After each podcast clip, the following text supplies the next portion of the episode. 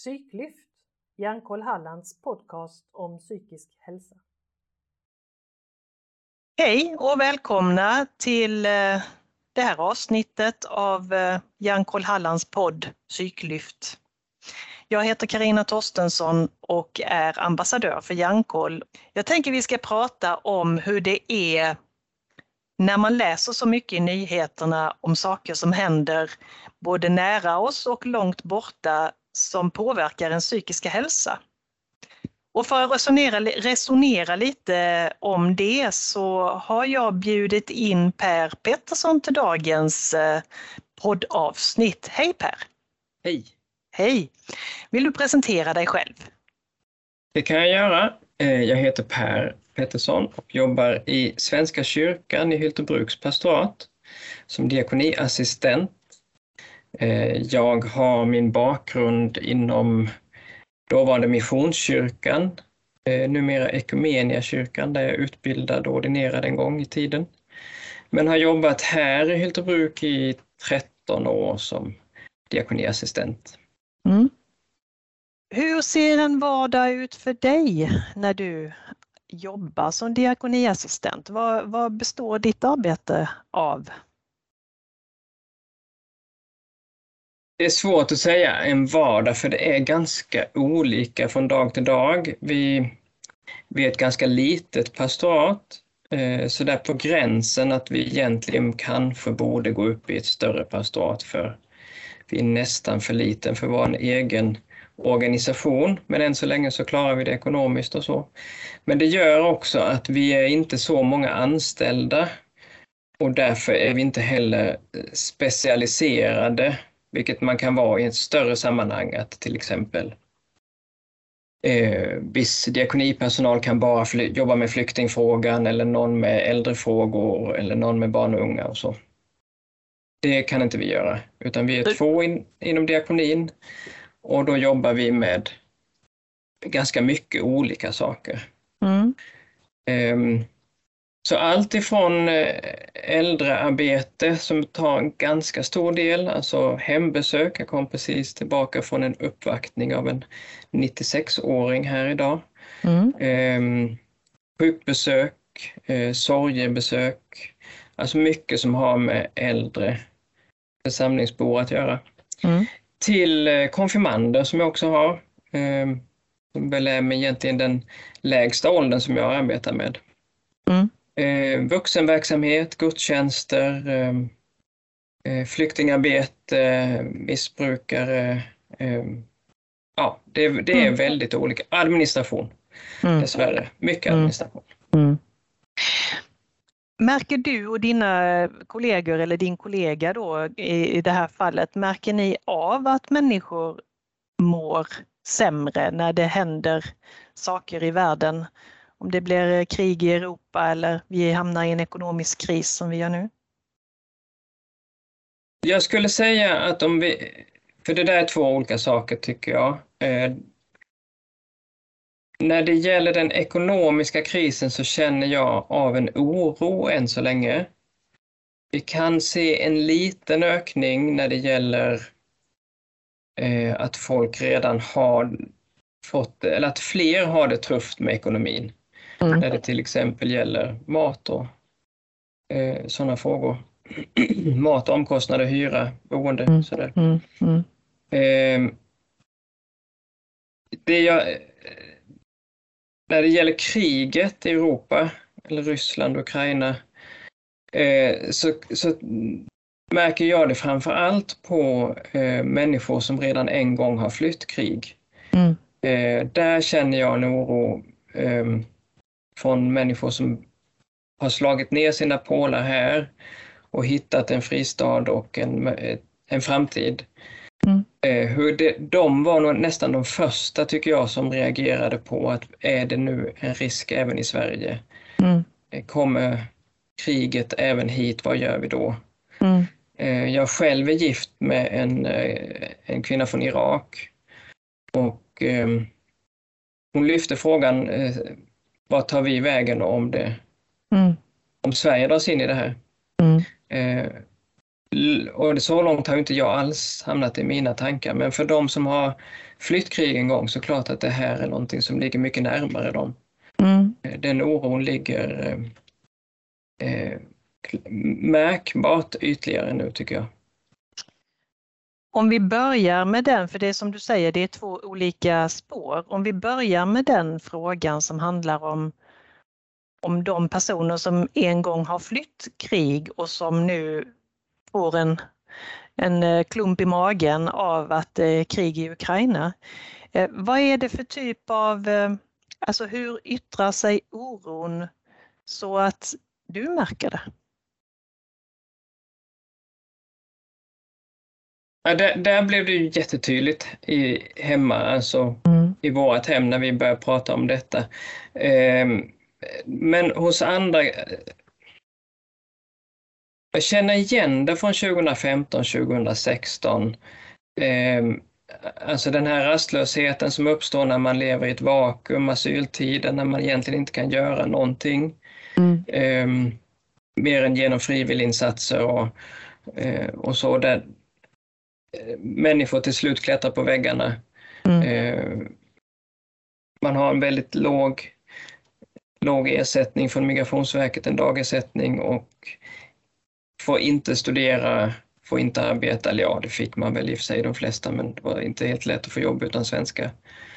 Um, och det där tär på människor mm. uh, mycket tydligt och det, det kanske inte leder till uh, psykisk ohälsa på det sättet men det, det leder ju till en oro i tillvaron och en frustration och kan mycket väl leda till, till ohälsa också. Mm. Men jag tycker jag känner igen Hos vissa man möter så tycker jag känner igen den känslan igen. Mm. Att um, Om vi tar människor från Syrien, de, de flesta de fick uppehållstillstånd där runt 2016 någonting, det var den stora 2016-2017. Då har man ändå levt Eh, man har klarat av sin SFI, man har kommit in på arbete i många fall, man har slagit ner rotpålarna och mm. tänkt att nu har vi... Och sen så börjar det ryckas i dem igen. Mm. Och det ger, um, upplever jag det, en, mm. en nervositet i livet. Liksom. Finns det någonting som ni kan göra för de personerna som känner den här rastlösheten eller nervositeten, finns det någonting som ni inom kyrkan kan erbjuda då? Vi har ju ett, ett ganska utbrett eh, integrationsarbete och har haft länge. Eh, vi, vi hade anställd personal som bara jobbade med det för vi fick pengar 15, 16, 17 tror jag det var, eller om det var ja, i den tiden i alla fall. Mm. Um, från Svenska kyrkan Riks. Då, då, så då arbetade vi väldigt mycket med integrationsfrågan. Sen när, när flykting... Eh, när det kom färre flyktingar, eh, runt 20 kanske, så trappade den där verksamheten ner lite grann. Sen kom Ukraina-flyktingarna. Mm. Men då var vi lite beredda, vi visste hur man gör och mm. kunde starta upp ganska snabbt. Mm.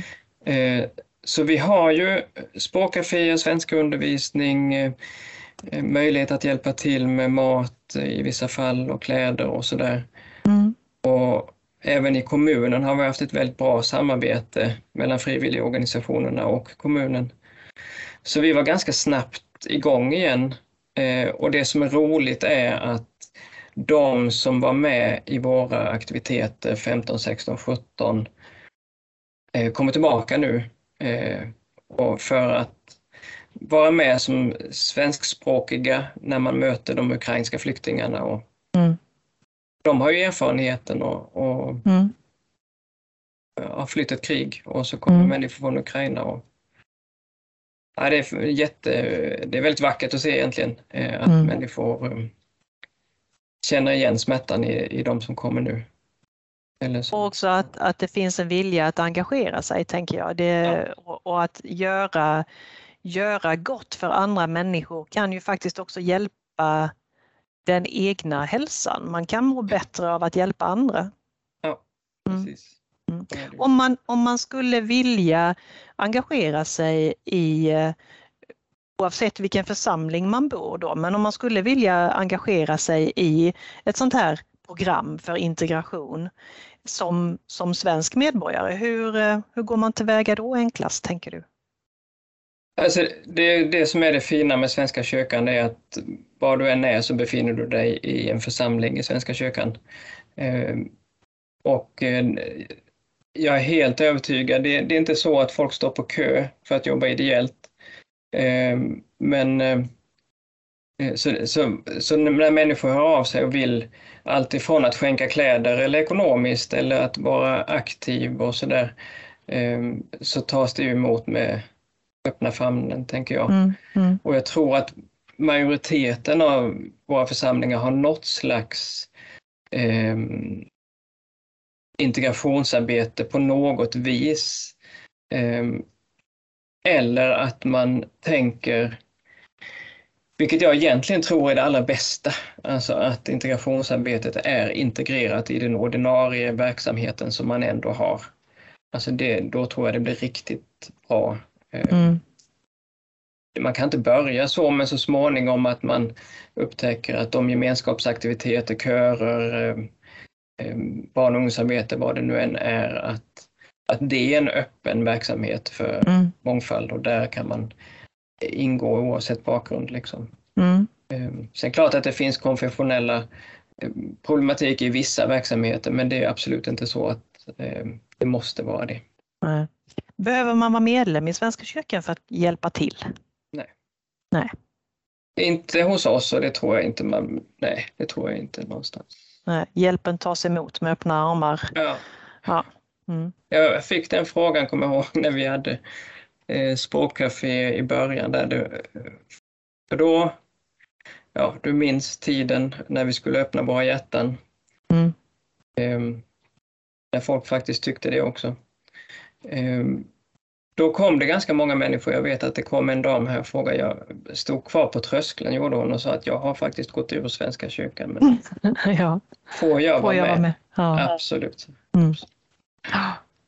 Eh, om man då byter spår då och tänker eh, de som eh, har det kärvt nu och känner en oro för hur man ska klara av en hel månad till när pengarnas värde krymper och inkomsten kanske inte är så stor från början och så. Hur, eh, hur ser det ut hos er?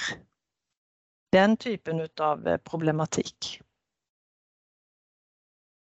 Vi har, vi har så länge jag har jobbat så har vi alltid haft människor som har sökt sig till oss på grund av att man inte får ihop ekonomin av olika skäl. Ehm, det kan vara ehm, det kan vara missbruk som ligger i det. Det kan vara psykisk ohälsa. Eh, man det kan vara låga inkomster i form av eh, pensioner eller sjukpenning och så på det så kommer ehm, en glasögonräkning samtidigt som man måste gå till tandläkaren den månaden och så får man inte ihop det då. Mm. Ehm, det, finns, det har alltid funnits många människor som Vissa kanske mer, mer kontinuerligt som har återkommit sådär, inte varje månad men då och då. Och vissa som kommer att just nu så är det kris. Eh, mm. Kan ni göra någonting? Kan, kan ni göra någonting då? Ja, det kan vi. Eh, vi har ju också krympande resurser såklart.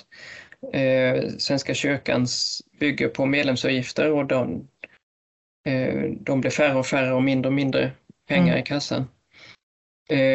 Vi har vissa möjligheter men nu de sen, så det vi har gjort tidigare är att vi har, vi har egentligen aldrig gett ut några reda pengar. Eh, för sådana resurser har vi inte att vi kan göra det. Däremot så har vi kunnat hjälpa till med matkassar. Mm. Eh, och vi kan hjälpa till med samtal för att få kanske lite styrsel på ekonomin och se okej, det ser ut så här. Skulle vi kunna ringa den här fordringsägaren och göra en avbetalningsplan? Mm. Ehm, har du pratat med din hyresvärd så att de vet om att du inte kommer kunna betala den här månaden? Och, um, för ofta så går det ju att lösa saker om man mm. bara gör någonting sånt. Mm. Men nu sen, vad kan det vara, ett och ett halvt, två år sedan kanske, så har vi ett samarbete med ICA här i Hylte. Um, där vi en gång i veckan hämtar um, matvaror med kort datum. Um, förpackningar som, ja du vet, eh, havregrynspaket i papper och väldigt lätt sönder i deras hantering. Mm. Och då kan de inte sälja det, men de kan sätta en tejpbit på, det, på hålet och så kan vi få det istället. Mm. Eh, knöckliga konservburkar. Bake-off-bröd som ska vara dagsfärskt kan vi få gårdagens bake-off-bröd som naturligtvis mm. är alldeles utmärkt. Men det ska vara färskt i butik. Så.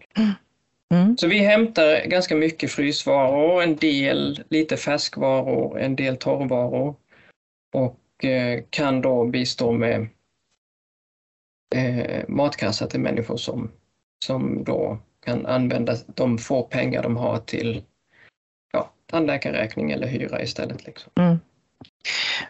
Hur, eh, alltså vilka människor är det som, du, du nämnde ju olika liksom kategorier utav människor som kan behöva er hjälp. Men hur, hur avgör ni eh, att det verkligen är en människa som är i behov av, av en matkasse och, och vem, vem kan söka den hjälpen hos er?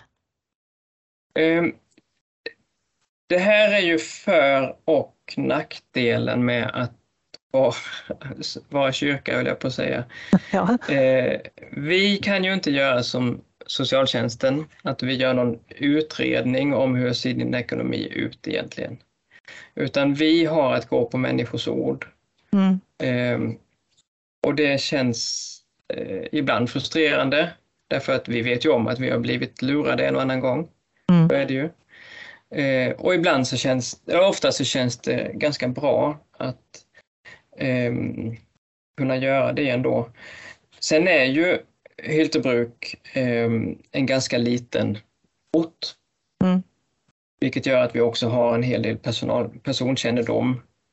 Eh, ofta så har vi ju möjlighet att göra hembesök. Eh, och man får, man får någon slags uppfattning, tror jag ändå, om, om hur det är. Mm. Men visst jag skulle nog säga att människor i stor utsträckning är eh, väldigt uppriktiga. Ehm, och samtidigt som jag säger det så vet jag att jag har blivit lurad några gånger. Absolut, mm. så är det. Mm. mm. Men då tar vi hellre, jag säger, det är lite grann av vårt motto, hellre lura en gång för mycket än att säga nej till fel person. Liksom. Mm. Händer, det, händer det att ni nekar? Ja, det är det. Mm. Eh, när det gäller den här maten så har eh, ICA-handlaren som, som initierade det här samarbetet eh, han, han har inte sagt absolut tvär nej, men han har sagt, uttryckt en vilja att det här ska ju inte gå så att man kan gå och köpa öl för pengarna istället, utan um, och det, det, vi har god kontakt med många människor i, i eh, aktivt missbruk och där har vi kunnat vara ganska öppna och säga att ja, nej tyvärr, inte så länge det ser ut så här, då kan vi inte göra den hjälpen, men vi kanske kan hjälpa till med någonting annat. Mm. Ehm, kläder och skor och sådär för vintern. Och mm. Precis. Mm. Ju lite så, jag ska säga det med nackdelen också, det, eh, det är många som kommer till oss och säger att ja, jag fick nej på socialen, för ekonomiskt bistånd, eh, och därför kommer jag till er och, och så. Eh, mm. och i de situationerna så kan man ju klart känna en viss frustration för att vi har ju sekretess åt bägge håll och vi kan ju inte ringa ner och säga hur står det till med Nej. Kalles, varför fick han nej hos er och så. Och vi får ju inte heller säga att Kalle har varit här. Nej. Så det kan vara en liten... Eh, ibland skulle man önska att man hade större inblick i människors liv. Mm. Eh, och ibland så är det rätt så skönt att bara få lita på vad folk säger. Ja, och lite kanske handla efter hjärtat i, mm. i en del situationer också. Mm.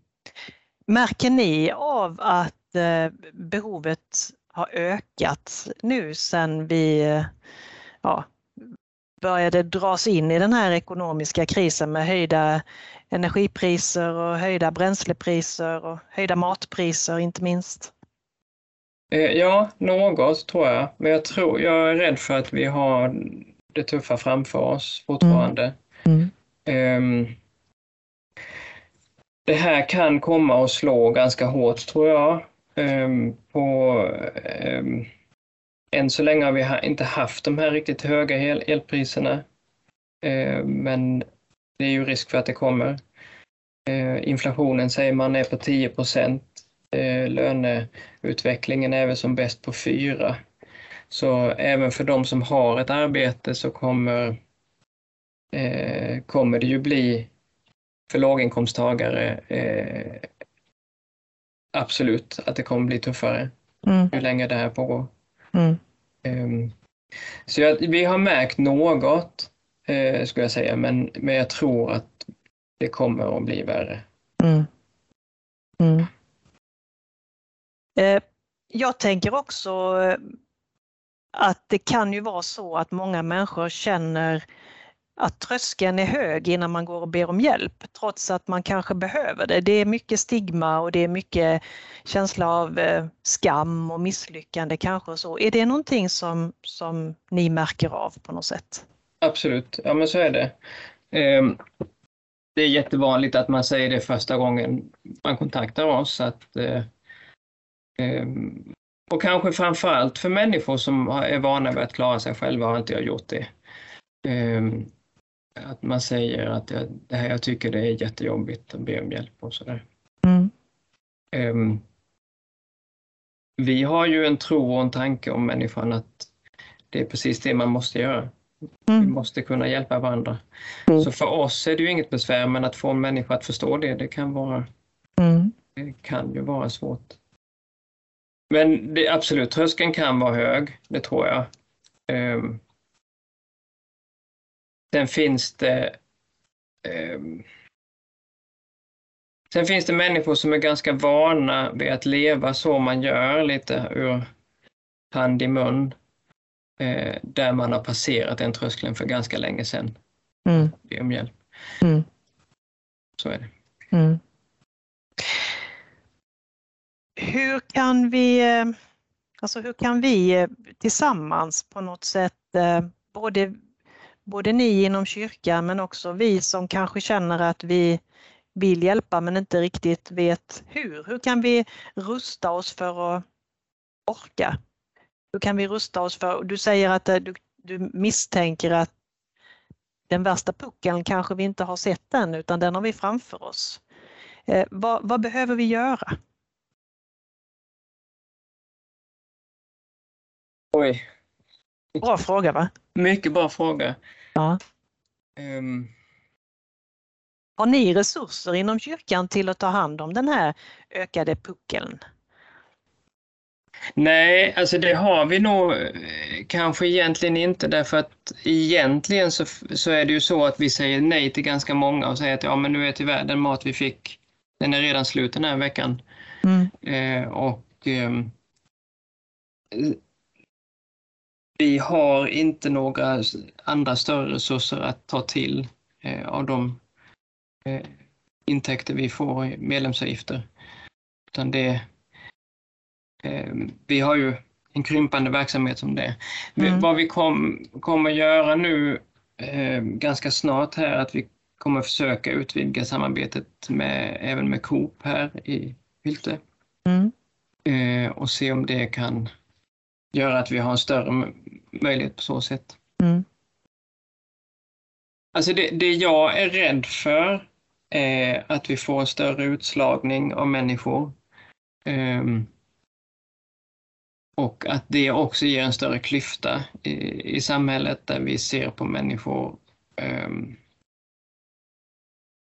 det, det, är ett mycket hårdare samhälle upplever jag det som. Och um, sedan valet, utan att bli partipolitisk, men så har jag, tycker jag att den eh, klyftan den ökar och ökar och späs på med människor som eh, ses som bidragande och ses som tärande. Mm. Eh, och ju värre den här krisen blir, desto fler kommer hamna i kategorin som man menar är tärande i samhället. Och mm. vad det kommer göra med oss som samhälle, det är oroande tycker jag. Mm. Eh, att kunna... Och där tänker jag, som svar på din fråga, vad kan vi göra som människor? Att inte glömma bort att vi är människor. Mm. Eh, och um, att förstå hur nära det kan egentligen, hur oerhört nära det är att hamna där vissa mm. människor hamnar. Alltså när man hör livsöden och förstår att det skulle precis lika gärna kunna vara jag som, som befinner mig där. Precis. Och kanske att bli lite ödmjuk eh, inför det att eh, vi är människor alla och det kan hända saker som absolut inte går att förutse som slår undan benen så ja. att vem som helst kan hamna i behov av hjälp. Ja. Både kanske på, på, lite, alltså i akutfasen men också i, på lite längre sikt att man mm. faktiskt har ett, en helt annan livssituation än vad man eh, räknade med att man mm. skulle ha. Mm. Och jag tycker också det är värt att, att betona och haka på det du säger att det är så lätt att döma. Det är så lätt att, eh, att kategorisera människor och stoppa in människor i fack. Men mm. jag tänker också att, att som medmänniskor, eller vi alla skulle kunna kanske börja se varandra, se varandra i ögonen och prata med varandra. För bara att lära känna en annan människa kan ju få en till att riva lite murar som man själv hade byggt upp. Mm. Där jag kanske hade fördomar eller förutfattade meningar men genom att börja prata så jag kan också lära mig saker. Mm. Och det där känner jag kanske är någonting som, som vi är fler som skulle kunna engagera oss i eh, hjälpverksamhet på olika sätt eller i social verksamhet eller vad det nu kan tänkas vara. Mm. mm. Och jag kan säga att vi, vi har en verksamhet som eh, verksamhet varje torsdag eh, i princip så går vi ner på byn med, med en termos kaffe och några bullar och eh, bjuder på dem, det till de som önskar. Eh, och man kan säga att vi började med det därför att vi såg eh, eh, ganska många som satt eh, ja, utanför, i centrum på bänkarna där mm. och väntade på att systemet skulle öppna. Och vi tänkte att, men, att prata med någon en stund och få en kopp kaffe innan första ölen, det kan vara mm. en, kanske en macka och sådär. Um, och vi har genom åren byggt upp en ganska god kontakt med de som finns där. Men det roliga är ju att det här har ju lett till att även om man säger vanliga församlingsbor, om du förstår vad jag menar med mm, det, mm, mm. Ehm, kommer fram och jaha, serverar ni kaffe? Varför gör ni det? Jo, men det, om får du en bulle så får vi prata lite. Och så mm. Minskar lite avståndet mellan de här grupperna för att man står runt samma kaffevagn och Precis. dricker lite kaffe och byter ja. ord och eh, kanske till och med kan förstå att ja, det, den jag inte tittar på vanligtvis mm. är, också är en människa. Så. Ja, och, och eh, det, det, gäller nog i många, många sammanhang tror jag, så att det är ju ett, eh, ett bra sätt att skapa integration fast kanske utan någon flyktingfråga egentligen. Mm, mm. Mm. mm. Om man nu eh, vill hjälpa till på något sätt, alltså hur, du, du nämnde ju innan att, att det kan man göra på många olika sätt och volontärarbetare kanske det inte dräller av så man är ofta välkommen med det man vill bidra med. Men hur får man kontakt? Eh, svenskakyrkan.se och så, eh, eller svenskakyrkan.se backslash eh, din församlingsnamn eller Mm. bara sök på Svenska kyrkan i, på orten och så där så hittar man, eh, hittar man eh, personalsidorna Mm. där. brukar man Mm. göra ganska enkelt.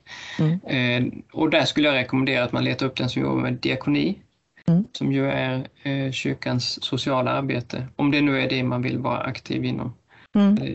eh, bidra med. Eh, och så prata med en diakon, diakoniassistent. Eh, ibland kan det vara en präst som jobbar diakonalt. Ehm, och säga att jag skulle vilja på något sätt hjälpa till med och så vad det nu är man brinner för, för det tror jag är jätteviktigt att det är någonting man brinner för. Mm. Ehm, vi brukar säga det, eh, vi har ju jobbat lite med att tänka kring hur man kan arbeta med ideella medarbetare. Att eh, börja alltid, var finns intresset hos den som vill jobba ideellt? Vad är du, Mm. vad är du duktig på? Vad vill du bidra med? Eh, och så går det nästan alltid att hitta någon, någon, eh, något sammanhang där man kan finnas med det. Mm. Eh, allt ifrån koka kaffe på samlingar eller eh, stå i klädbutiken eller eh, eh, göra hembesök hos äldre ensamma. Mm. Eh, ja, det finns hur mycket som helst att göra Mm. Behov, behovet är stort. Ja, det är det.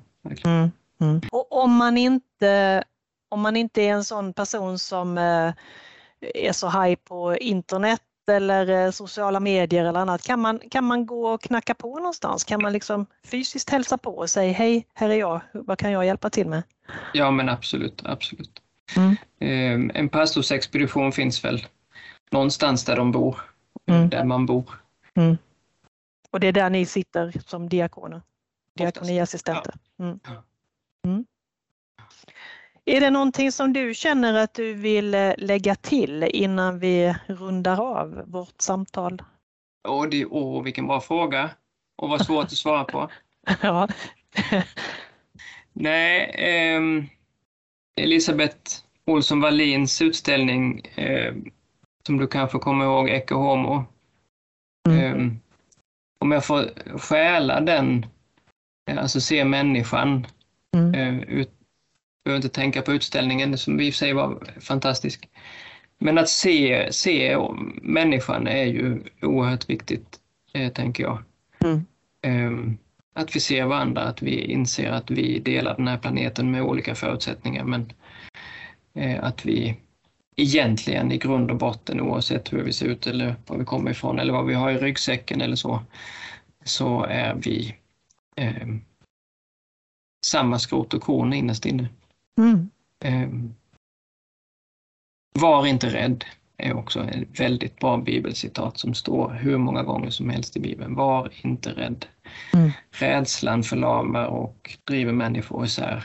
Eh, Mm.